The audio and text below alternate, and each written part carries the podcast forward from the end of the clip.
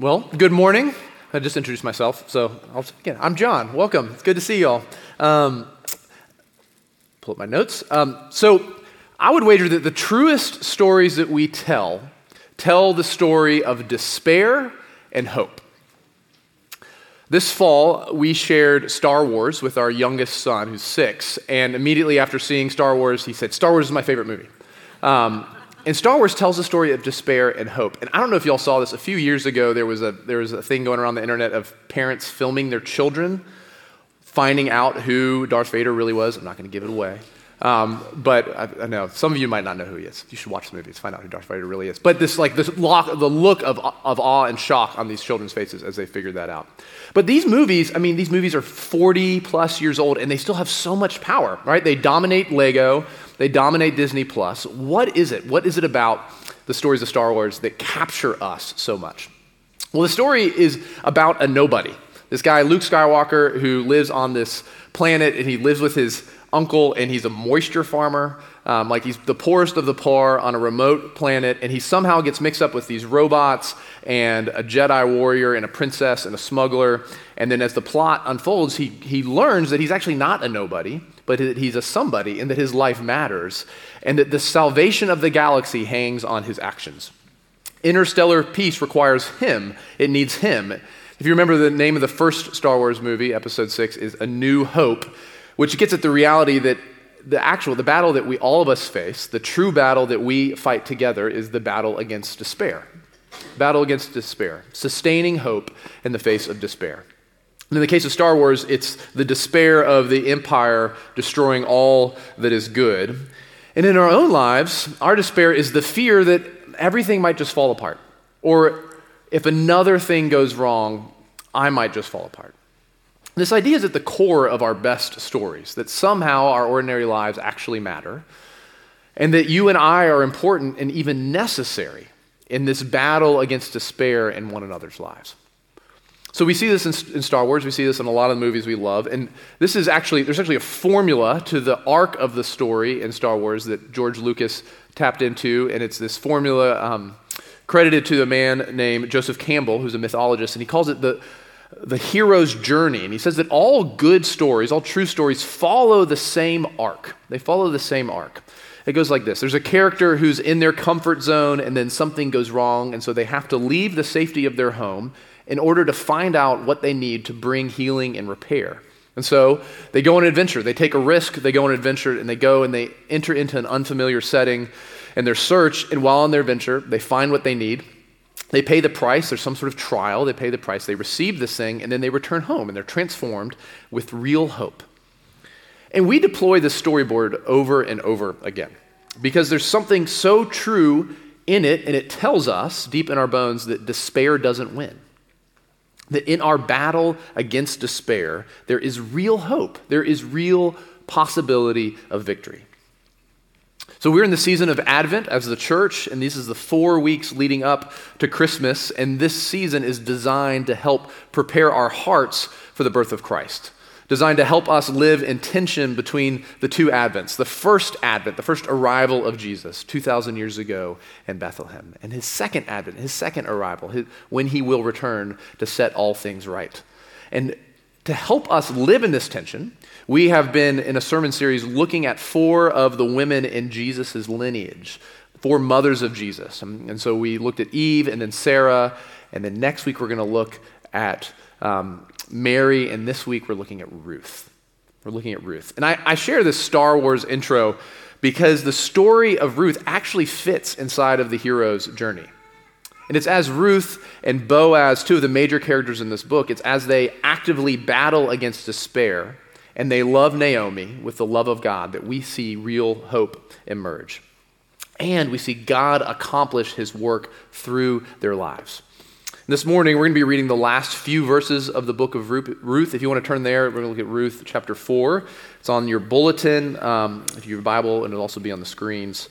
And in these last verses, our attention is turned from these main characters to the community of women in Bethlehem that surround Naomi. And we see the important work that this community of women do. And it's a work of hope. And as we look there, we're going to see two things. We see as we, in, in our battle against despair, The work of the community is to sustain hope. And we do this together by remembering what God has done and reimagining what God can do. Remembering together what God has done and reimagining together what God can do. So I invite you now to stand for the reading of God's word. Read Ruth chapter 4, verses 13 through 22. This is God's word for us this morning. It's trustworthy and true, and he gives it to us in love. So Boaz took Ruth, and she became his wife. And he went into her, and the Lord gave her conception, and she bore a son. And the women said to Naomi, Blessed be the Lord, who has not left you this day without a redeemer and may his name be renowned in Israel. He shall be to you a restorer of life and a nourisher of your old age. For your daughter in law, daughter in law who loves you, who is more to you than seven sons, has given birth to him. Then Naomi took the child and laid him on her lap and became his nurse. And the women of the neighborhood gave him a name, saying, A son has been born to Naomi, and they named him Obed. He was the father of Jesse, the father of David. Now these are the generations of Perez.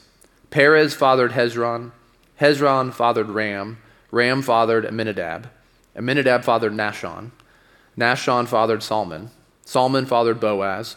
Boaz fathered Obed. Obed fathered Jesse. And Jesse fathered David. This is the word of God for the people of God. Thanks be to God. Please be seated.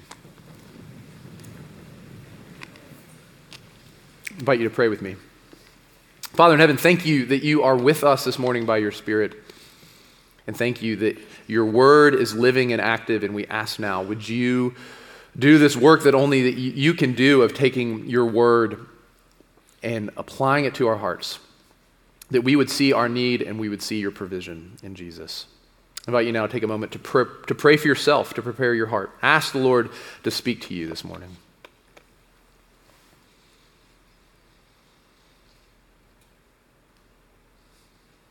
Would you pray for those who are sitting around you?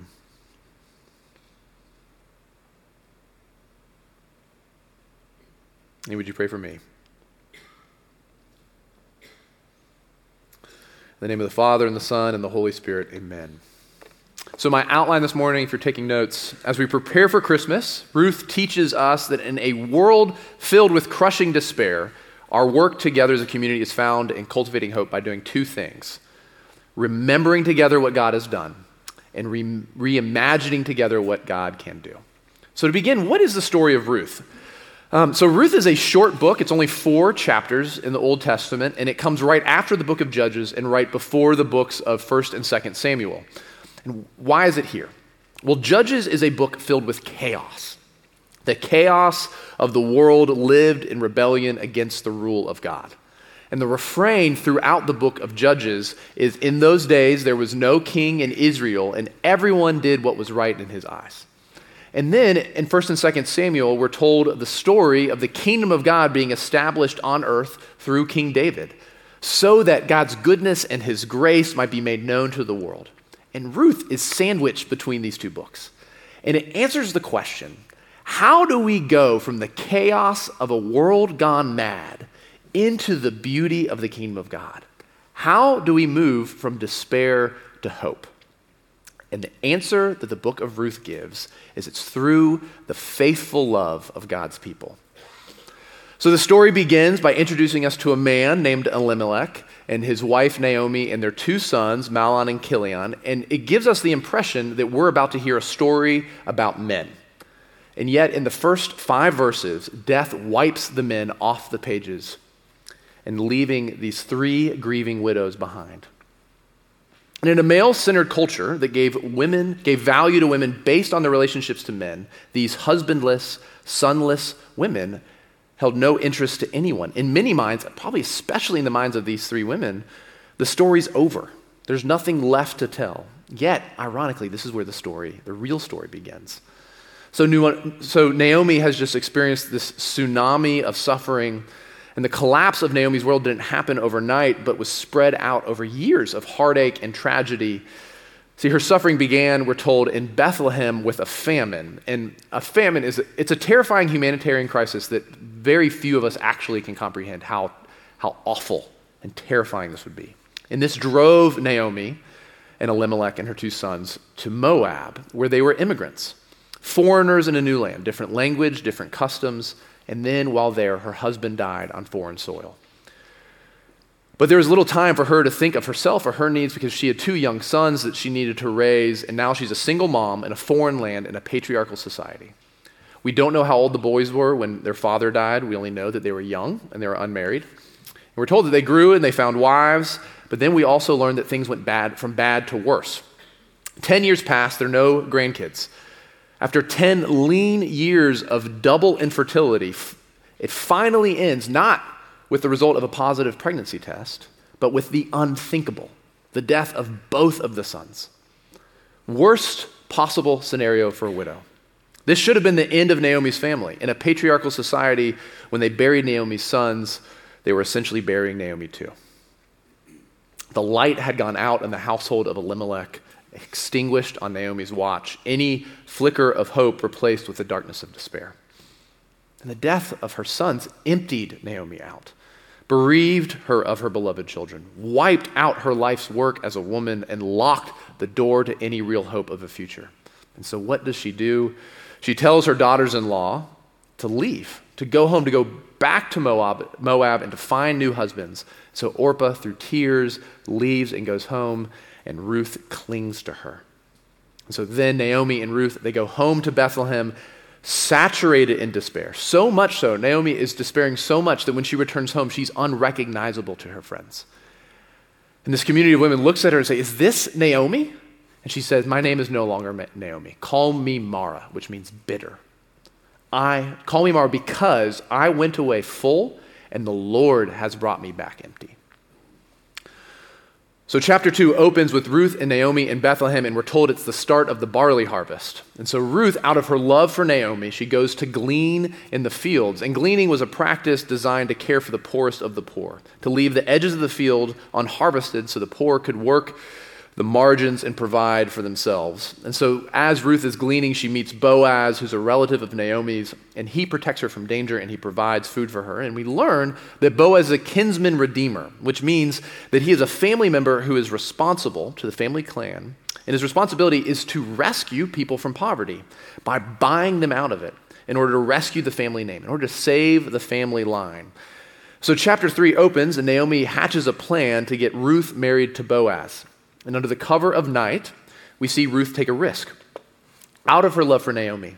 She, she's a poor, widowed immigrant woman, woman, and she proposes marriage to this wealthy landowner in order to rescue Naomi's family from extinction. And then, in the beginning of chapter 4, in this final climactic courtroom scene at the gates of Bethlehem, Boaz redeems Naomi, which means that he purchases her property, rescuing her from poverty, and then he takes Ruth to be his wife.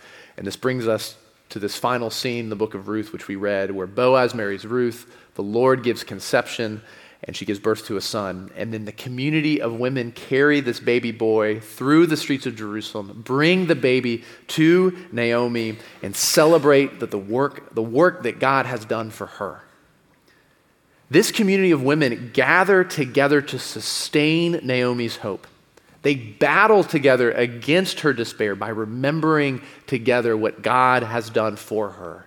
They say, Look, look at how good God has been to you. And this reveals to us we need one another to help us remember. We need each other to help us remember. This is why we love getting together and share stories, especially when the storytelling juices start flowing. We stay up late sharing stories, right? What we're doing is we're remembering together. My kids love, around their birthday, they love hearing the story of their birth. Tell us again. Tell me again what happened the day I was born, right? We, we love to remember together. We need help remembering together. So let's remember together what God has done for us. The story begins in creation, which was home. Home with God, Father, Son, and Holy Spirit, home with one another, home in the world. As Laura Ingalls Wilder wrote, home is the nicest word there is. But then sin destroyed home. Sin ruptured relationship with God, with one another, with the world, and human existence has been reduced to an endless search for home. And we have been reduced to homeless wandering. In the words of Marcus Mumford, we are hopeless wanderers. Our hearts cry out for one who would hold us fast, one who would bring us home in from the cold, one who would call us by name and bring us home. And the reality for all of us, this, this is the reality for all of us. And the Bible says that it's because of sin. And into our sin, The God who made us promises to redeem us, and he's done this for us in Jesus. That in the person of Jesus Christ, God Himself has left the comfort of His heavenly home and out of desire to restore us to Himself and to redeem all things, Jesus came to earth. Born a Jew in Bethlehem, Jesus perfectly obeyed the law of God that He might redeem us from the curse of the law. And on the cross, Jesus became sin for us so that in Him we might become the righteousness of God. And in His resurrection, Jesus put death to death and he redeemed you from the curse of the law and the despair of the sin sick world, so that through faith in him you might have life and joy and peace and a new and living hope. And then he poured out his Holy Spirit on us, claiming us for his own until he returns. Do you ever forget this? Of course you do. So do I. Maybe, uh, maybe you're tempted to forget it. Maybe you forget it when you are buried under the list of what needs to get done before Christmas Eve. Or maybe you forget it when things are falling apart at work and you feel responsible to hold everything together. Or maybe you're at war with your parents and you can't possibly see a way forward and you're too scared to admit how scary it is to feel so far from their hearts. Or maybe there's an empty seat at your table this year and you are terrified of losing the battle against despair. In our battle against despair, we forget the story. We forget what God has done. And the work of the community of faith is to remind us of what God has done. So, how do we see that here? Verse 14 The women said to Naomi, Blessed be the Lord who has not left you this day without a redeemer, and may his name be renowned in Israel. He shall be to you a restorer of life and a nourisher of your old age. Remember with me who Naomi was at the start of our story in chapter 1. She was alone in Moab, not her home. She was hungry. She left Bethlehem because of a famine, became a widow in a foreign land with no means to provide for herself. She was bereaved, lost not only her husband, but her sons died, in bitter. Right? Call me Mara. My name is bitter. And what did God do for her? Naomi was alone, and the Lord has restored to her, her to Ruth and this community of women who love her. He has given her a home in Bethlehem. She was hungry, and God has nourished her old age. Literally, the Hebrew here is, He will feed her gray hairs. She will not go hungry as she gets old. The threat of starvation was real, and now there is a guarantee in this child that there will always be someone to provide for Naomi. And she was bereaved. She had lost her husbands and her, son, her husband and her sons, and the Lord has restored her life through this child. This child would console Naomi's grief by continuing the family line, the family which just three chapters earlier was extinct, now is going to continue. And then he gives her this daughter. He gives her this daughter in law, and she's so great, we're told that she is better. She's worth more than seven sons. And Naomi was bitter, and the Lord gave her joy. The woman called her Naomi, which means pleasant. Her name is no longer bitter. Now it's joy, and nothing pictures joy more sweetly or more purely than the birth of a child. Naomi has been restored by God's grace. And this is the work of the community of faith, remembering together what the Lord has done. The way that we go into battle against our own despair, our despair in our own lives and the lives of those whom we love, our family and our friends, the way that we together drive out the darkness of despair and cynicism that lurks in the shadows of all of our hearts is to remember together what God has done. And this is why every Sunday we gather here together to remember together what God has done for us in Jesus. This is why you meet together throughout the week in community groups and Bible studies, and you go on walks and you have coffee and you have meals together. It's to remember together what God has done for you. And what has He done? Listen to St. Augustine and what he says that God has done for us in Christ. Man's maker was made man. He, ruler of the stars, nursed at his mother's breast. The bread hungered. The fountain thirsted. The light slept. The way was tired on its journey. The truth was accused of false witness. The teacher was beaten with whips. The foundation was suspended on wood.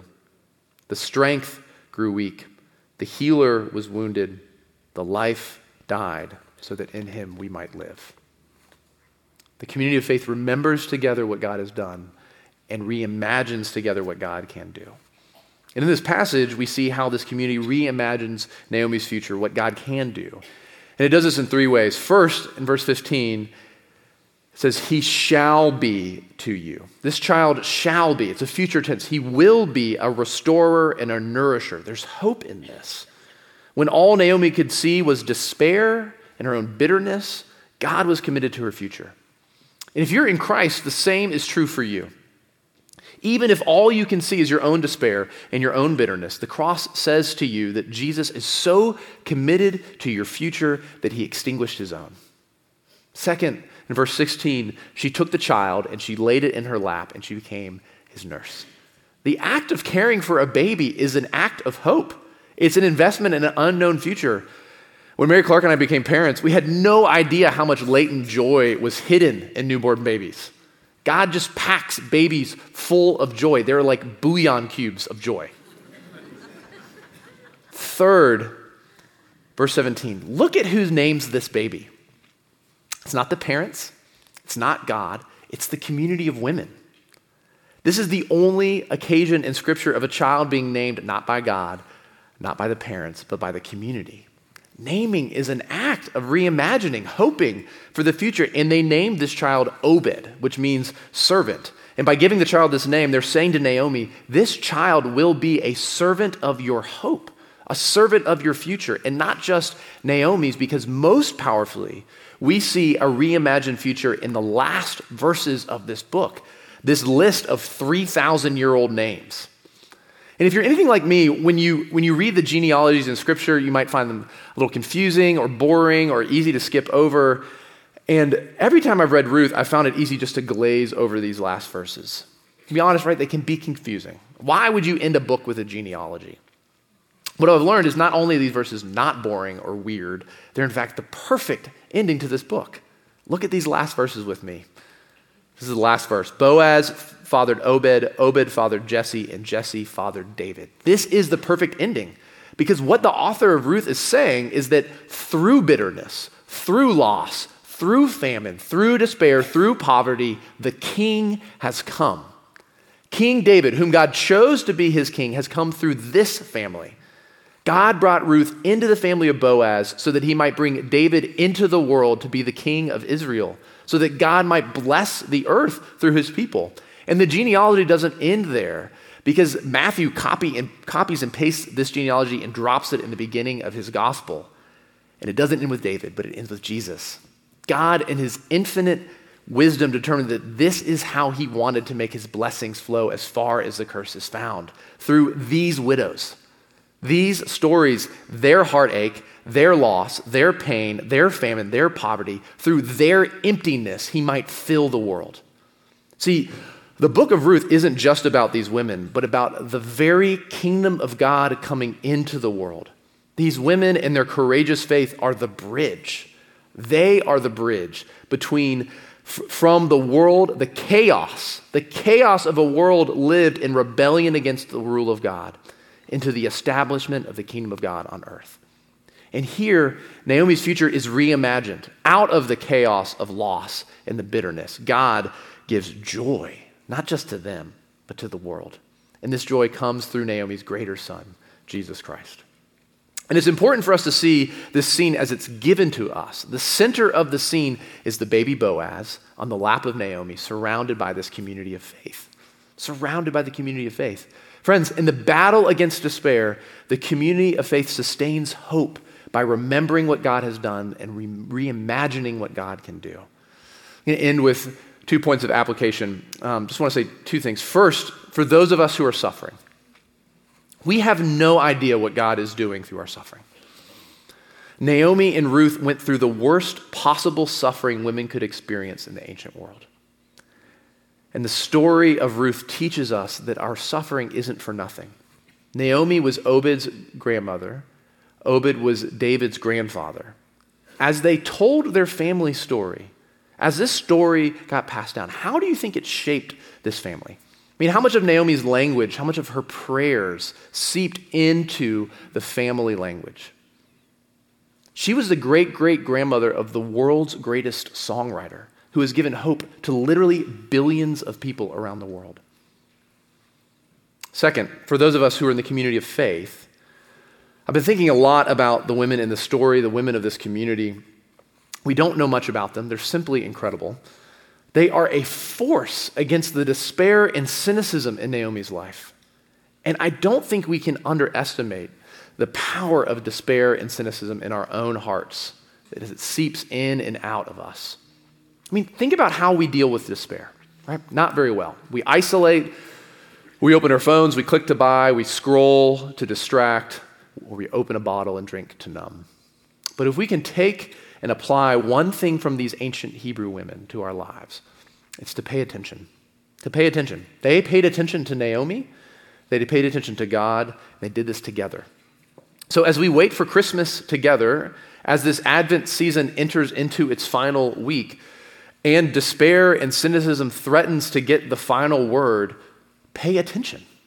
Pay attention to each other. Pay attention together to God in order to remember and to reimagine what God has done and what He can do in our lives. For those of us who are Christians, we believe the gospel, what God has done for us in Jesus Christ, what God is doing right now in our midst, establishing the kingdom of God, and what He will do when He returns to set all things right. This is our story. This is what we must remember together. And together, we get to reimagine what God can do and will do in each other's lives. Let's pray. Father in heaven, we thank you for the, the gift of your word to us that you do not leave us in silence, you do not leave us in despair, but that you are at work in and through the history of this world to provide for us a Savior. Lord, thank you for the Lord Jesus. Thank you for the story of Ruth and Naomi and how their faithful love, you used it to bring to us Jesus that we might have life and hope in his name. Lord, would you give us faith to believe this? We pray in Jesus' name. Amen.